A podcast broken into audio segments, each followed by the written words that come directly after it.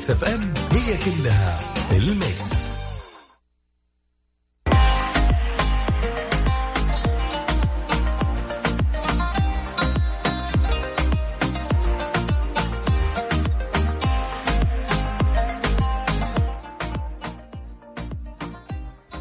بسم الله الرحمن الرحيم. السلام عليكم ورحمة الله وبركاته. أسعد الله مساكم بكل خير مستمعينا على إذاعة مكسفم راح أكون معاكم خلال الساعتين القادمة لعنو تركي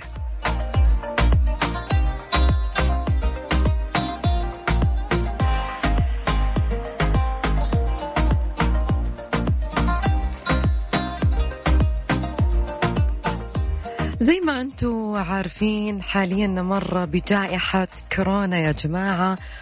فدائما أو أغلب الشركات آه، تقام على اجتماع أونلاين. بغض النظر عن ال application اللي يستخدمونه. هنا السؤال. هل برأيك اجتماع الأونلاين يقوم بمقام اجتماع المعتاد؟ وش الفرق بينهم؟ وكم اجتماع أونلاين تحضره في الأسبوع؟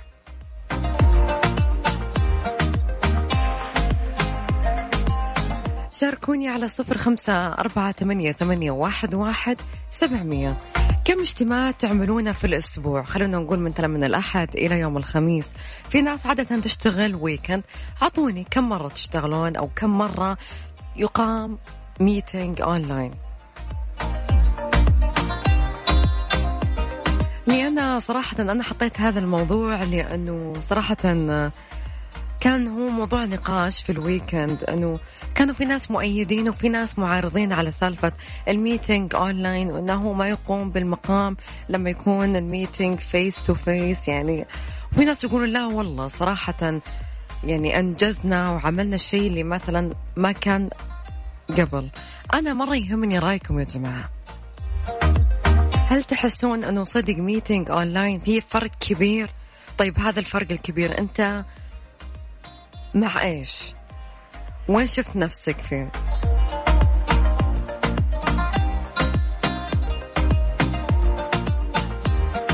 يعني صراحة ال meeting online فتح مجالات كثيرة.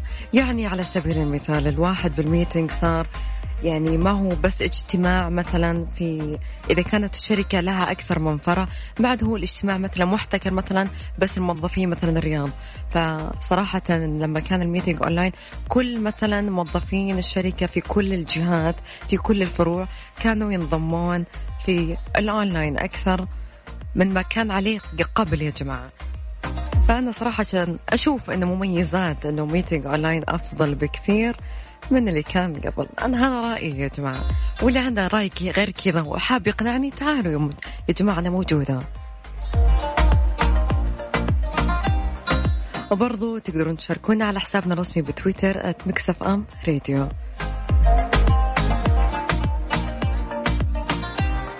برضو راح نتكلم اليوم عن جدة تستقبل زوارها بالوجه الحضاري الجميل والشواهد التاريخية العريقة.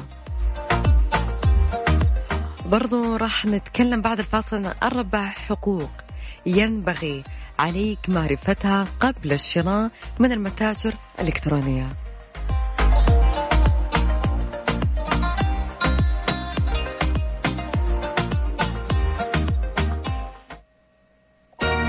تقول داليا أنا قلبت الطاولة. أنا أقول هذا الأغنية تمثلني مرة يا جماعة.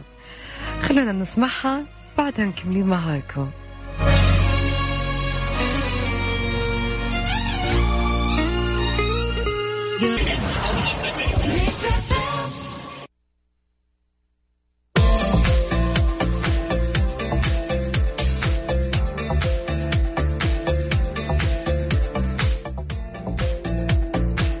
ما تكلمنا قبل الفاصل راح نتكلم عن أربع حقوق ينبغي.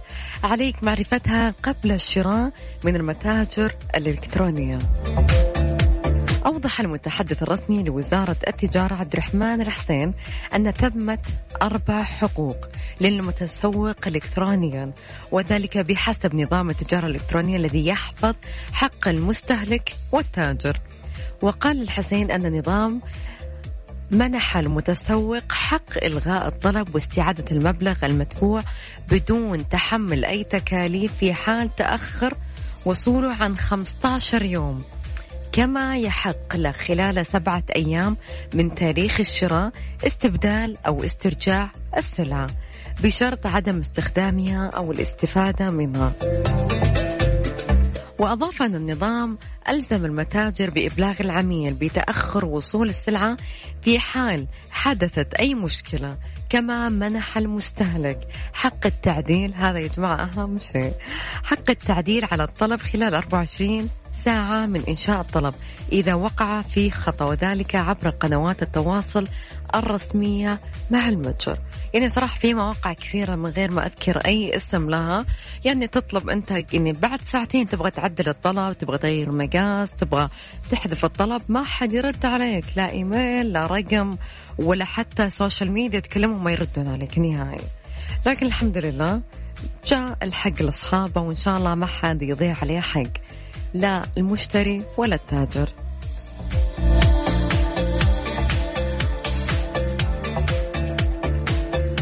طبعا نشكر الأستاذ خالد على جهود الجبارة. شكرا يا خالد.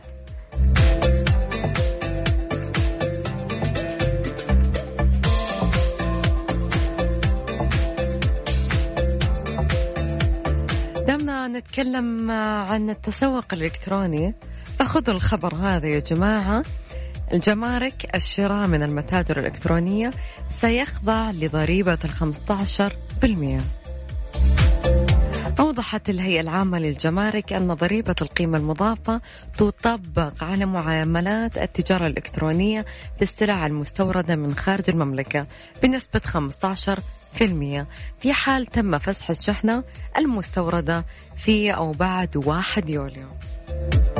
وأشارت الجمارك إلى أن ضريبة القيمة المضافة تطبق وفقا للنسبة السارية في تاريخ وصول الإرسالية فإذا تم وصول الإرسالية في أو بعد 1 يوليو تطبق النسبة 15%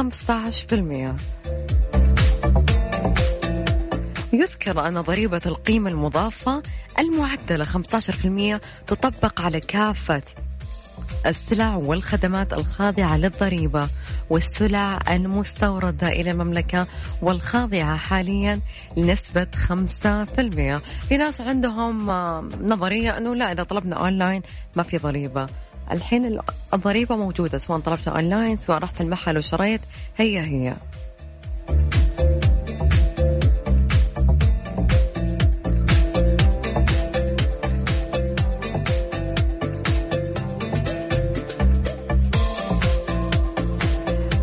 أذكركم آه، في موضوع ساعتنا الأولى كم اجتماع أونلاين تسوون في الأسبوع؟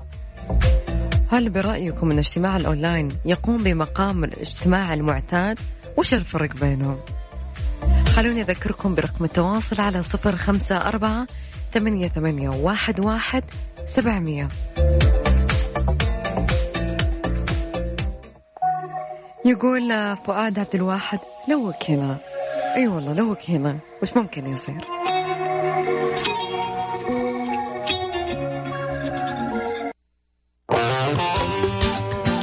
يا ذا الليل مع العنود وعبد الله الفريدي على Mix FM. Mix FM هي كلها في ال mix.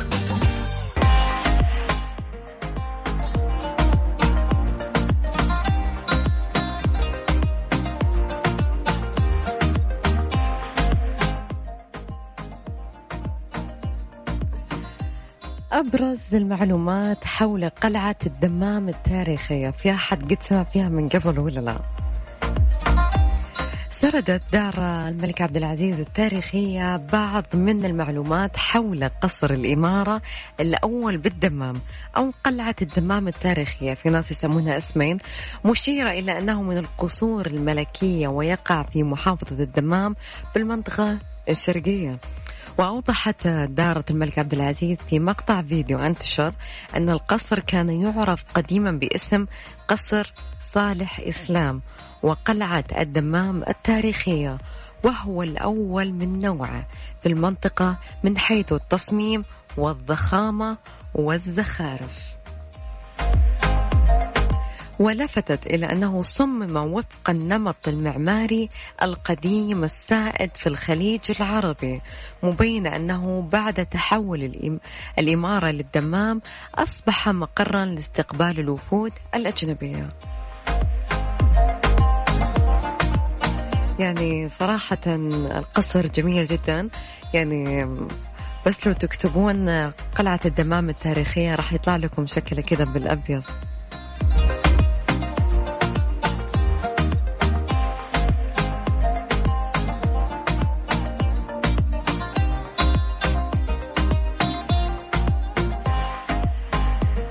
بكرة أول أيام الجوزة. وخلونا نذكر أبرز ملامحه.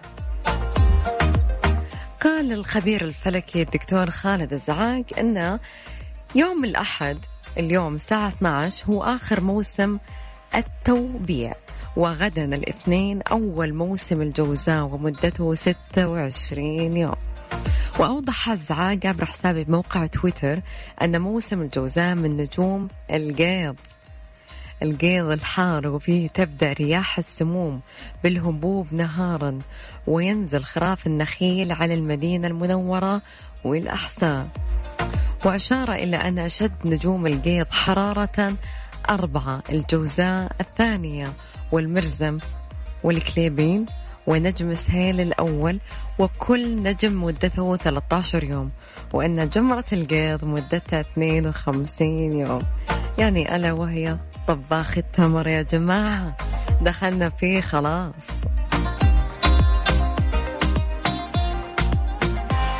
أنا صراحة أقول اللي ما ياكل رطب ذي الأيام لا عاد ياكل تمر بعدها صراحة. يعني صراحة الرطب مع قهوة المغرب هذه صراحة يعني هذه بالنسبة لي شيء ثاني مختلف تماما.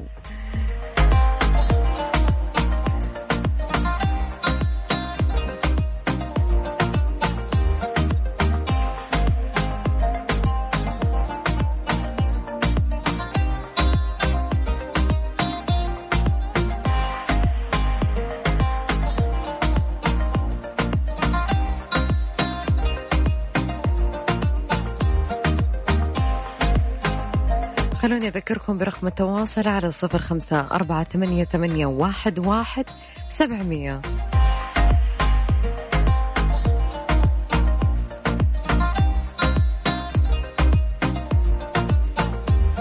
أهم العوامل والأدوات لنجاح الاجتماع عن بعد يا جماعة. أهم العوامل والأدوات التي تساعد الموظف لعمل اجتماع عمل عن بعد ناجح هي أهم الأدوات التي يمكن استخدامها للتواصل والعمل عن بعد بالإضافة لأخلاقيات الاجتماع عن بعد في ظل الأوضاع الراهنة.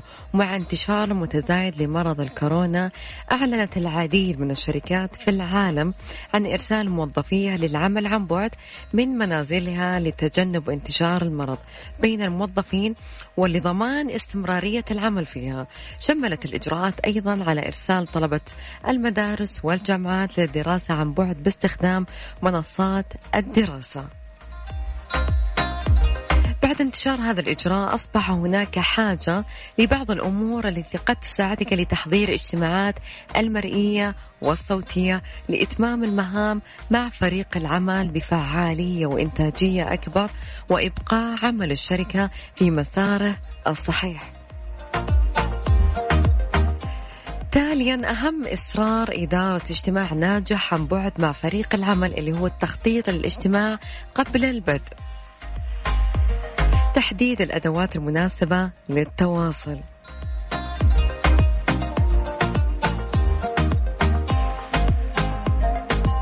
طبعا لكل برنامج أو كل أبليكيشن له مميزات وخصائص.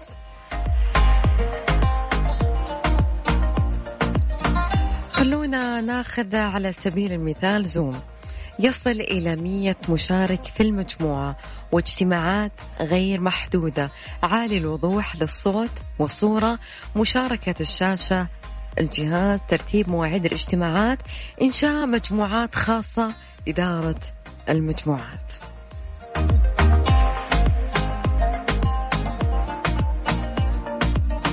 ومن أهم هذه الأشياء اختيار المكان المناسب.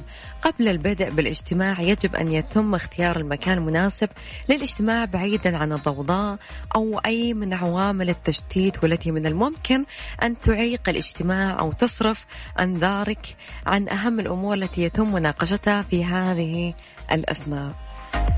ارتداء اللبس المناسب. في ناس كثير صراحة ما يهتمون في اللبس يقولون والله إحنا في البيت. يا جماعة اللبس جدا مهم. بالتأكيد العمل من المنزل ليس بالأمر البسيط حيث يعتبر منطقة راحة بالنسبة للأغلب. لذا يجب عليك ارتداء ملابس تناسب الاجتماع والابتعاد عن ملابس المنزل المعتادة. التعامل مع الاجتماع كأنك في غرفة اجتماعات داخل الشركة وذلك عن طريق باتباع أهم أخلاقيات التواصل داخل الاجتماع كتوثيق أهم النقاط الحديث التي تمت مناقشتها ليتم إرسالها في البريد الإلكتروني والرجوع إليها عند الحاجة. عند اتباع أهم الأمور التي تم ذكرها يمكن لاجتماعاتك عن بعد أن تكون أكثر نجاحا وإنتاجية خاصة إذا قمت بإدارتها بكفاءة ومرونة. التكنولوجيا الآن تمنحنا خيارات أكثر فعالية لإدارة الاجتماعات عن بعد وهذا يساعد على فهم أهداف الشركة والعمل بإنتاجية أكبر من قبل فريق العمل وضمان استمرار مسار العمل بالشكل الصحيح دون انقطاع.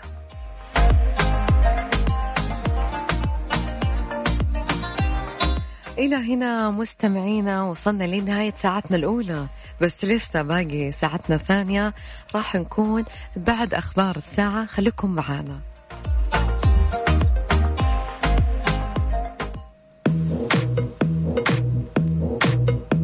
من الأغاني اللي أحبها صراحة بيلا تشاو. خلينا نطلع نسمعها.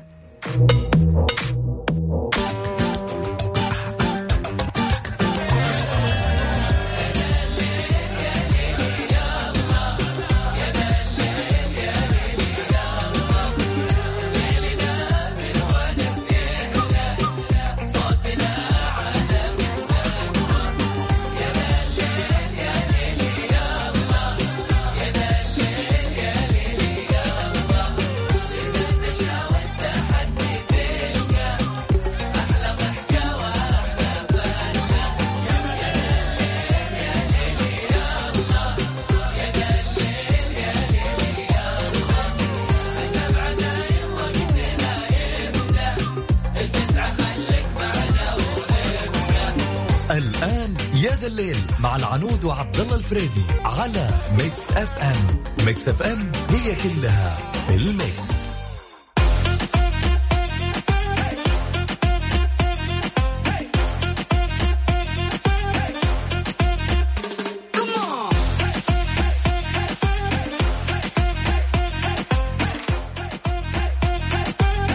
طبعا أكيد أكيد ما راح أقول أي كلمة أكيد. طبعا هذا الكلام آه، دار بيني وبين خالد. أول شيء خلوني أرحب فيكم من جديد وأسعد الله مساكم. حياكم الله الناس اللي انضموا لنا في ساعتنا الثانية. ساعتنا الثانية يا جماعة هل أنتم مع أو ضد؟ مقولة إذا أردت أن تكون فاشلا حاول ترضي جميع الناس. راح أحط تصويت في حسابي أنا العنود تركي 7 وصوتوا خلونا نشوف هل أنتم مع أو ضد. واللي عنده رأي ثاني يكتبها لي تحت التغريدة على طول. إرضاء الناس غاية لا تدرك. ومهما حاولت أنه أنت تراضي الناس أو ترضي الناس بمعنى أصح أيا كانوا الناس أيا كان الناس. عمرك ما راح تحصل على رضاهم مهما فعلت ومهما سويت. هذا طبعا هذا رأيي أنا عنود. لكن أكيد يهمني رأيكم أنتم وكل شخص يسمعني الحين. أستقبل جميع رسائلكم واتصالاتكم على صفر خمسة أربعة ثمانية ثمانية واحد واحد سبعمية.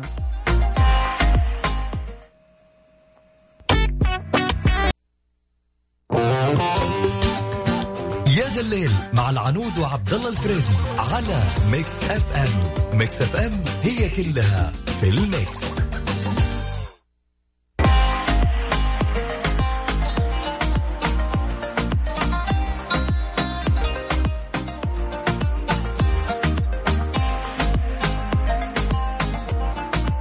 سبع فوائد لعسل النحل عند تناوله على الريق.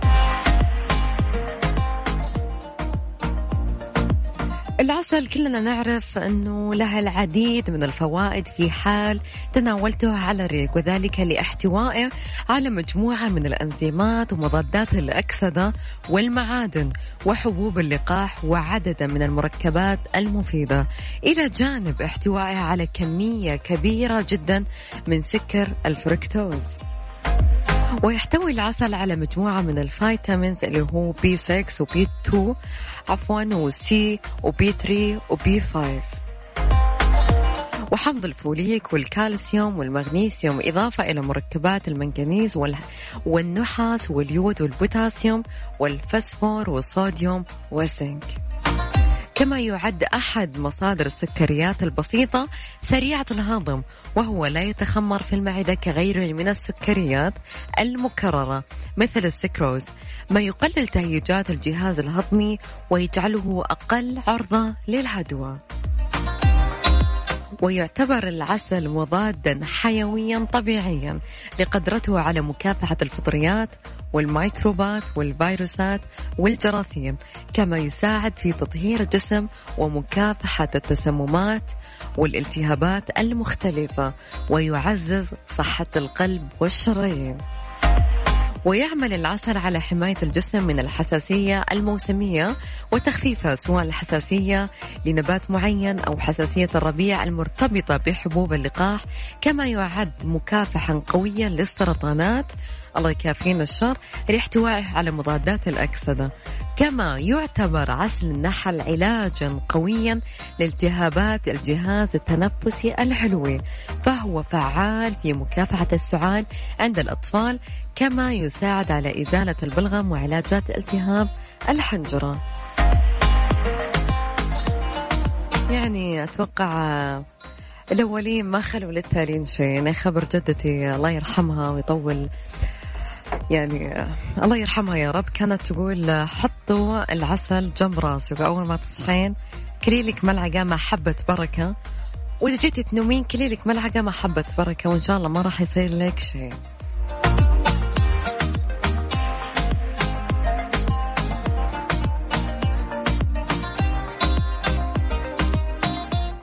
المواصفات والمقاييس حصول أكثر من 23 ألف منتج على علامة الجودة بالمملكة.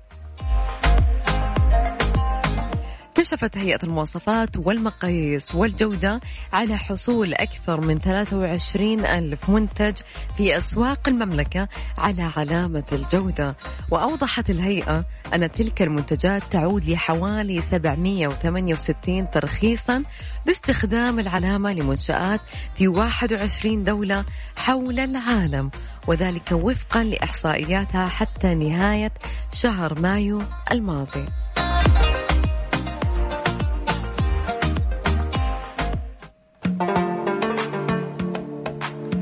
ولفتت إلى أن وجود أكثر من 2423 منتجا إيطاليا يحمل علامة الجودة السعودية و1110 منتجات صينية و869 منتجا أردنيا و749 منتجا تايلنديا و735 منتجا هنديا إلى جانب 442 منتجا إماراتيا و424 منتجا مصريا. فيما هناك أكثر من 1500 عفوا 15507 منتجات سعودية قد حصلت على ترخيص باستخدام علامات الجودة. وأشارت إلى أن قطاع منتجات التشيد والبناء والمواد العامة يأتي في المرتبة الأولى كأكثر القطاعات حصولا على تراخيص باستخدام علامة الجودة بنحو 343 ترخيصا. من بعدها تجي المنتجات الميكانيكية والمعدنية بإجمالي 147 ترخيصا. ومن بعدها تجي منتجات الكهرباء والإلكترونيات والمقاييس والموازين ومن بعدها برضو المنتجات الكيميائية والبترولية والغسل والنسيج بواقع 112 ترخيصا. ويأتي في المرتبة الأخيرة قطاع المنتجات الغذائية والزراعية.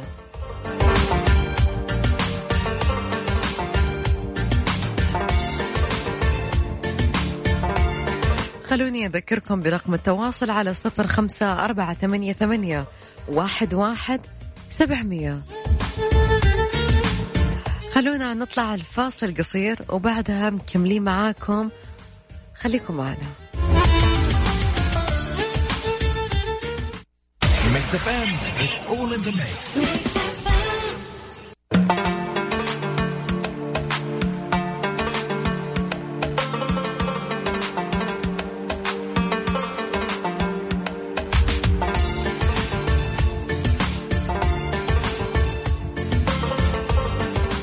The mix. ما تأثير كورونا على الأطفال وهل هم ناقلين للعدوى أو لا أجاب المتحدث الرسمي لوزارة الصحة الدكتور محمد عبد العالي على السؤال عن مدى تأثير فيروس كورونا المستجد كوفيد 19 على صحة الأطفال وعما إذا كانوا ينقرون العدوى إلى أطفال مثلهم أو لمن هم أكبر منهم سنا وأوضح أن الأطفال يمكنهم أن ينقلوا العدوى إلى أطفال مثلهم أو البالغين مما حولهم أيا كان العمر. وهذا السؤال صراحة انسأل كثير لوزارة الصحة وأخيرا جاوبوا عليه. مضيفا أن فيروس كورونا يؤثر على الأطفال وإن كانت الإصابة لديهم أقل خطورة وأقل حدة عن إصابة البالغين. وأشار إلى أن المضاعفات لدى الأطفال أقل بكثير من الكبار ولم ترصد عالميا وفاة لمن هم دون سن العاشرة من العمر. الحمد لله نتيجة الإصابة بكورونا إلى أنه حذر من إصابتهم بالفيروس حال إصابتهم بأمراض مزمنة قد يعرضهم لمضاعفات أو مشاكل صحية.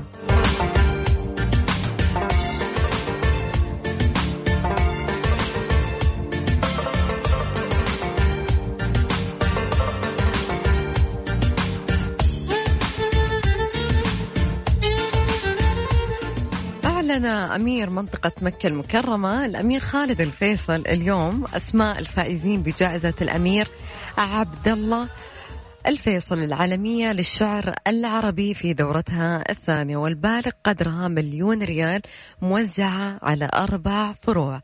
راح نكمل الموضوع لكن الحين راح نطلع لصلاة العشاء وبعدها مكملين.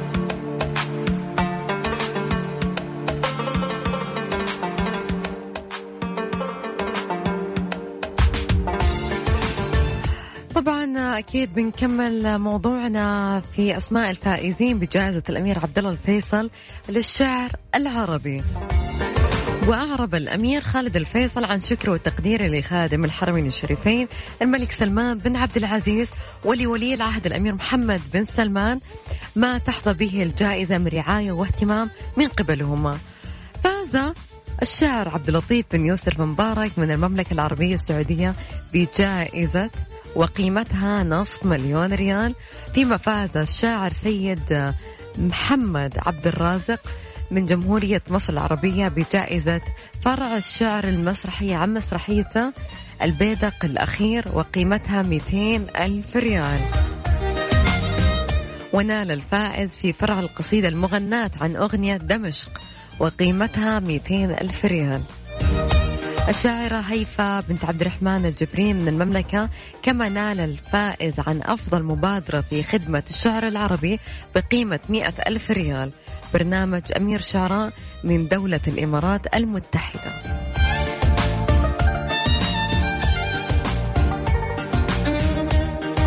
وقدم سمو الأمير خالد الفيصل شكرا لصاحب سمو الأمير بدر بن عبد الله بن فرحان وزير الثقافة متمنيا له المزيد من التوفيق والنجاح للنهوض بالحركة الثقافية في المملكة كما هنأ الفائزين بالجائزة وقدم شكره للقائمين عليها. طبعا يذكر أن أمانة الجائزة استقبلت خلال الدورة الثانية أكثر من 90 متقدما من مختلف الدول.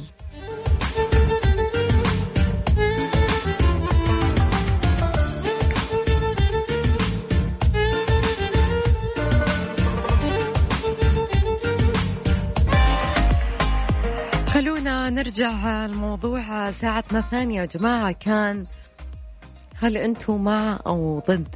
إذا أردت أن تكون فاشلا حاول ترضي جميع الناس. خلونا نقرأ تعليقات اللي وصلت لنا. أحمد يقول يعتمد على الموقف والمجال.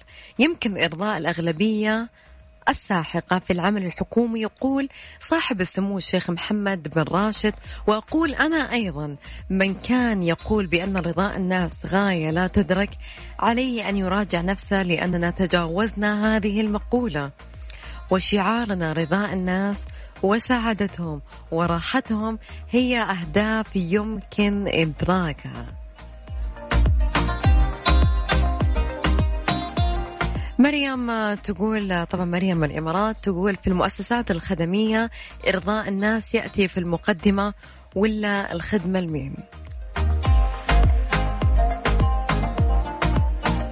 ماجد من المدينة يقول إرضاء الناس غاية لا تدرك وما تفضلت به تحصيل حاصل.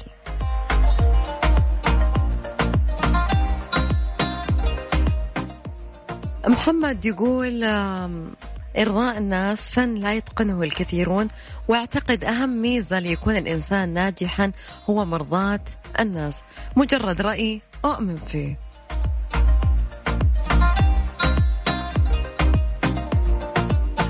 رامي يقول ارضي ربك ثم أرضي نفسك ثم الآخرين. خالد يقول بالفعل هذه أول خطوات الفشل أنك تحاول ترضي الناس.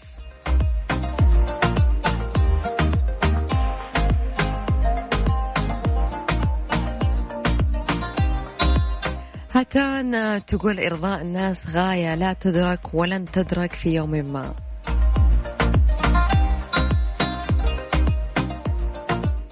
يزيد يقول عنود أنا بسوي لك ريتويت واعتبريها مؤيد لكلامك أنه فعلا إرضاء الناس غاية لا تدرك.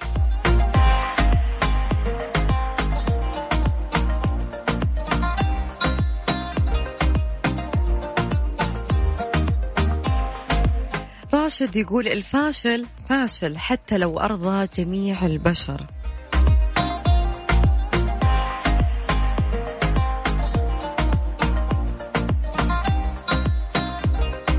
مريم تقول والله اللي فاضية وتحب إنها تسوي شيء تحاول ترضي الناس. والله يعني تعليقاتكم صدمتني شوي نوعا ما.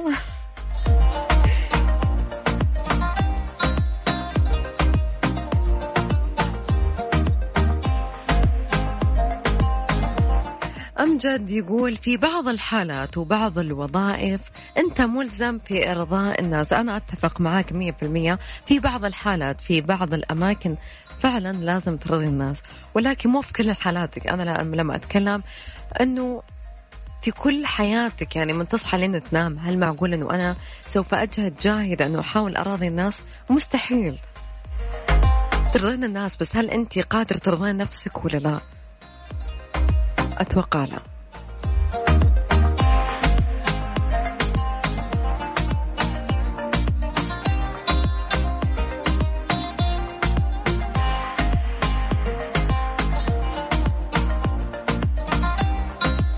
آخر خبر معانا وزير التعليم أدوات وخطط التعليم ستتغير بعد كورونا وهناك توجه كبير جدا نحو التعليم عن بعد خلونا نشوف الموضوع. هذا الموضوع لسه يا جماعة. قال وزير التعليم الدكتور حمد آل الشيخ أن هناك تغيرات كبيرة جدا وجذرية حدثت في قطاعات كثيرة لأن ما قبل كورونا يختلف عما بعد كورونا وتغيرت كثير من الأشياء التي كانت تعتبر مسلمات ومنها منظومة التعليم عالميا. وأوضح عقب رئاسته للاجتماع الاستثنائي الافتراضي عفوا لوزارة التعليم في دول مجموعة العشرين أن هناك توجها كبيرا جدا جدا نحو التعليم عن بعد في أنظمة مختلفة. وسوف تتغير أيضا أدوات ومعايير وخطط التعليم ومؤسساته في المستقبل. وأضاف أنه سيكون هنالك أنماط مختلفة لما يسمى بالتعليم عن بعد بحسب الاحتياج وبحسب المرحلة وبحسب المادة. وستتغير أيضا اقتصاديات التعليم وربما أيضا اقتصاديات حتى الذهاب إلى الخارج من أجل الحصول على الشهادة. وأشار إلى أن الإنسان من الممكن أن يبتعث إلى دولة أخرى وهو موجود في بلاده واو. من خلال دخولي على برنامج تعليمي عن بعد وربما أيضا هناك برنامج آخر يكون مرنا جدا مدمجا. يجمع ما بين الحضور في جزء وفي جزء كبير جدا بدون حضور أي عن بعد.